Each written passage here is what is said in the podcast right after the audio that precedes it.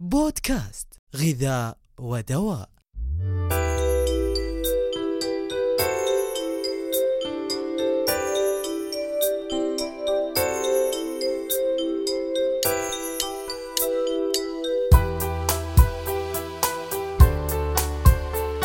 أسعد الله أوقاتكم بكل خير وأهلا وسهلا بكم في الحلقة الثانية من بودكاست غذاء ودواء الذي يأتيكم من الهيئة العامة للغذاء والدواء بالمملكة العربية السعودية.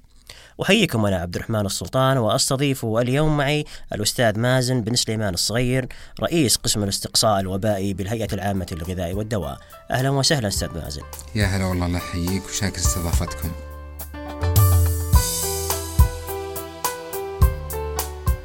أحيانا نشوف أشخاص تعرضوا لتسمم غذائي وبعضنا ما يعرف كيف يتصرف إذا أصابه هو أو أحد أقاربه التسمم الغذائي. اليوم بنتعرف على مسببات التسمم الغذائي وكيف تحمي نفسك والمحيطين بك. أستاذ مازن خلينا نبدأ في البداية ونتعرف على التسمم الغذائي. التسمم الغذائي باختصار هو عبارة عن تناول أكل ملوث آه، بس- والتي تسببها الميكروبات والمواد الكيميائية الضارة آه، وتسبب أعراض للشخص المصاب. آه، طبعا أكثر المسببات هي البكتيريا والفيروسات. آه، علما أن سنويا يتعرض آلاف الأشخاص في السعودية للتسمم الغذائي. طيب كيف يعرف الشخص أنه تعرض لتسمم غذائي بشكل أوضح؟ وما هي الأعراض؟ أعراض التسمم تعتمد على المسبب قد تكون من خفيفة إلى شديدة ولكن هي بالعادة عبارة عن ألم في البطن وغثيان وقيء وإسهال وحرارة وربما الجفاف في بعض الحالات آه، الأطفال والحوامل وكبار السن والأشخاص الذين يعانون من ضعف الجهاز المناعي هم أكثر عرضة للإصابة بالتسمم الغذائي والأعراض تكون لديهم أكثر حدة من غيرهم دائما في المستشفى كيف يتأكد الطبيب المعالج إذا كان عند الشخص تسمم غذائي أو لا؟ آه، الطبيب دائما يعني في تشخيصه في الت- التسمم الغذائي يعتمد على طبيعة الأعراض الظاهرة على المريض. هذه دائما ومدتها الزمنية بالإضافة أنه دائما يسأل المريض عن نوع الغذاء المستهلك. آه، طبعا يتأكد أكثر عن طريق إجراءات آه، وفحوصات معينة للمريض. دائما أو العينات تؤخذ من المريض. هذه العينات هي عينات الدم الفحوصات المخبرية الروتينية لعينات الدم. آه، برضو أحيانا ممكن يلجأ إلى الزراعة المخبرية آه، لعينات البراز أو المسحات الشرجية أو القيء لتحديد ال- الميكروب الممرض. يعني هو دائما يسمى العامل المسبب للتسمم الغذائي بالإضافة إلى الفحص المخبري لعينات البراز اللي هو يسمى الفحص المخبري الروتيني لعينات البراز. طيب بالنسبة للعلاج أو أثناء حدوث التسمم الغذائي ما هي الإجراءات اللي يتخذها الشخص؟ آه، في الغالب الأشخاص الذين يعانون من تسمم غذائي هي تتحسن حالتهم تلقائيا يعني من تلقاء نفسها بحكم الجهاز المناعي لدى الشخص ولكن من المهم تعويض النقص في السوائل الأملاح برضو الراحة التامة لتجنب حدوث الجفاف ول- لتحسن حالة المريض. بالإضافة أنه تناول الوجبات يكون تناول الوجبات الخفيفة بدل من الوجبات الثقيلة آه، حتى تنتهي يعني الأعراض وحدة الإصابة بالمعدة والأمعاء. آه، وفي حال أن الأعراض لا سمح الله كانت شديدة آه، لابد هنا آه، من علاجها بالمستشفى. يعني مثلا عند تجاوز الحرارة 38 درجة مئوية أو آه، لا سمح الله عند خروج دم مع البراز أو التقيؤ بشكل مستمر لفترة طويلة مثلا أكثر من ثلاث أيام وتعرض للجفاف. آه، هنا يجب مراجعة المستشفى آه، لتحديد آه، النوع المسبب للتسمم واتخاذ الإجراءات اللازمة مثل تعويض السوائل المفقودة آه، وخاصة الأطفال وكبار السن طبعا كما ذكرنا سابقا بالإضافة لإعطاء ال- العلاجات اللازمة منها المضادات الحيوية لقتل الميكروب المسبب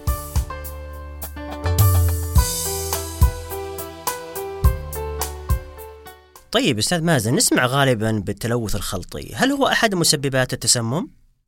طبعا التلوث الخطي نعم هو أحد مسببات التسمم ويعتبر جزء كبير من مسببات التسمم.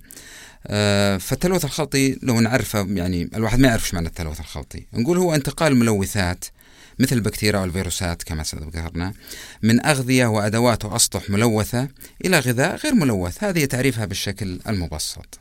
طيب ما هي مصادر هذا التلوث الخلطي؟ مصادر التلوث الخلطي كثيرة جدا ولكن نختصر اللي معروف دائما. آه اللي هم العاملون اللي يحضر الطعام هو أحد المصادر للتلوث الخلطي. الأغذية الخام الغير مطهية. الحشرات القوارض تعتبر نواقل. هذه للمسببات من أغذية ملوثة إلى غذاء غير ملوث بالإضافة إلى استخدام الماء الملوث والأدوات الملوثة. هي أهم مصادر التلوث الخلطي. هذه المصادر كيف يحدث التلوث الخلطي إذن؟ التلوث الخلطي آه، يحدث أو يحدث عن آه، أو بعدة طرق. آه، أولها ملامسة الأغذية النية. لأغذية جاهزة الأكل مثل ملامسة اللحوم النية مع السلطات. هذه دائما يعني تحصل خاصة عند تحضير الأطعمة وأحيانا عند التناول. برضو ملامسة الأغذية النية لبعضها البعض. يعني حتى ما نقول فقط إنه النية خلاص يبعد عن الأكل الجاهز لا برضو حتى مثلا ما تخلط اللحوم النية مع الأسماك النية. آه، بالإضافة آه، إلى وصول السائل من اللحوم النيئة إلى آخر جاهز الأكل. مثل إلى السلطات تحضير وإعداد الطعام على أسطح ملوثة عدم غسل الأيدي هذه من أهم حدوث التلوث الخلطي خاصة عند تحضير الطعام. آه، استخدام نفس الأدوات والأسطح لتحضير يعني الأكل الجاهز يعني يستخدم هذا هذه الأدوات مع آه، من من آه، يعني من أغذية هنية مع أغذية جاهزة للأكل. وبرضو عدم التأكد من غسل وتشطيف الأدوات جيدا. هذا قد يسبب تلوث خلطي. جميل. تكلمنا عن التسمم الغذائي والتلوث الخلطي. كيف نقدر نتفادى حدوثهما؟ آه، كما تعرف هناك عدة خطوات لصنع الطعام من المزرعة وصنع المائدة ولكن لطرق الوقاية من التسمم الغذائي غسل الجيد آه، غسل اليدين جيدا قبل وبعد تحضير الطعام تنظيف الأدوات والأواني جيدا مثل السكاكين وأجهزة فرم اللحم وغيرها بالشكل الصحيح. آه، الترتيب الصحيح سواء كان في الثلاجة بحيث أنك تضع الأغذية الجاهزة للأكل في الأعلى والأغذية النية في الأسفل. آه، بالإضافة عند التسوق عدم خلط الأغذية النية مع باقي الأطعمة آه، عدم استخدام الأدوات الغير آمنة والمشقوقة والمكسورة الطبخ بدرجات حرارة آمنة بحيث دائما لا تقل عن 62 آه، درجة مئوية فأعلى على حسب نوع الطعام. برضو بالنسبة لإستهلاك الطعام يجب أن يكون خلال ساعتين من بعد التحضير آه، أو في حال عدم استهلاكه وضعه في الثلاجة تذويب الثلج بالشكل السليم آه، إما بوضعه في الثلاجة وضع الطعام في الثلاجة أو عن طريق استخدام الميكروويف المخصص لذلك. التخلص من الطعام المخزن بشكل غير سليم حتى وإن كان ذو رائحة زكية وشكله سليم والظاهري أنه يكون جميل جدا فلا تستهلك إذا كان مخزن بشكل غير سليم. شكرا أخوي مازن الصغير رئيس قسم الاستقصاء الوبائي بالهيئة العامة للغذاء والدواء على هذه المعلومات القيمة. وأنتم أعزائي المستمعين أدعوكم لزيارة ركن المستهلك بموقع إلكتروني للهيئة العامة للغذاء والدواء لمزيد من المعلومات عن التسمم الغذائي وغيره.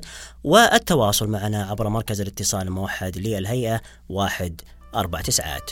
شكرا لكم وألتقيكم في الحلقة القادمة.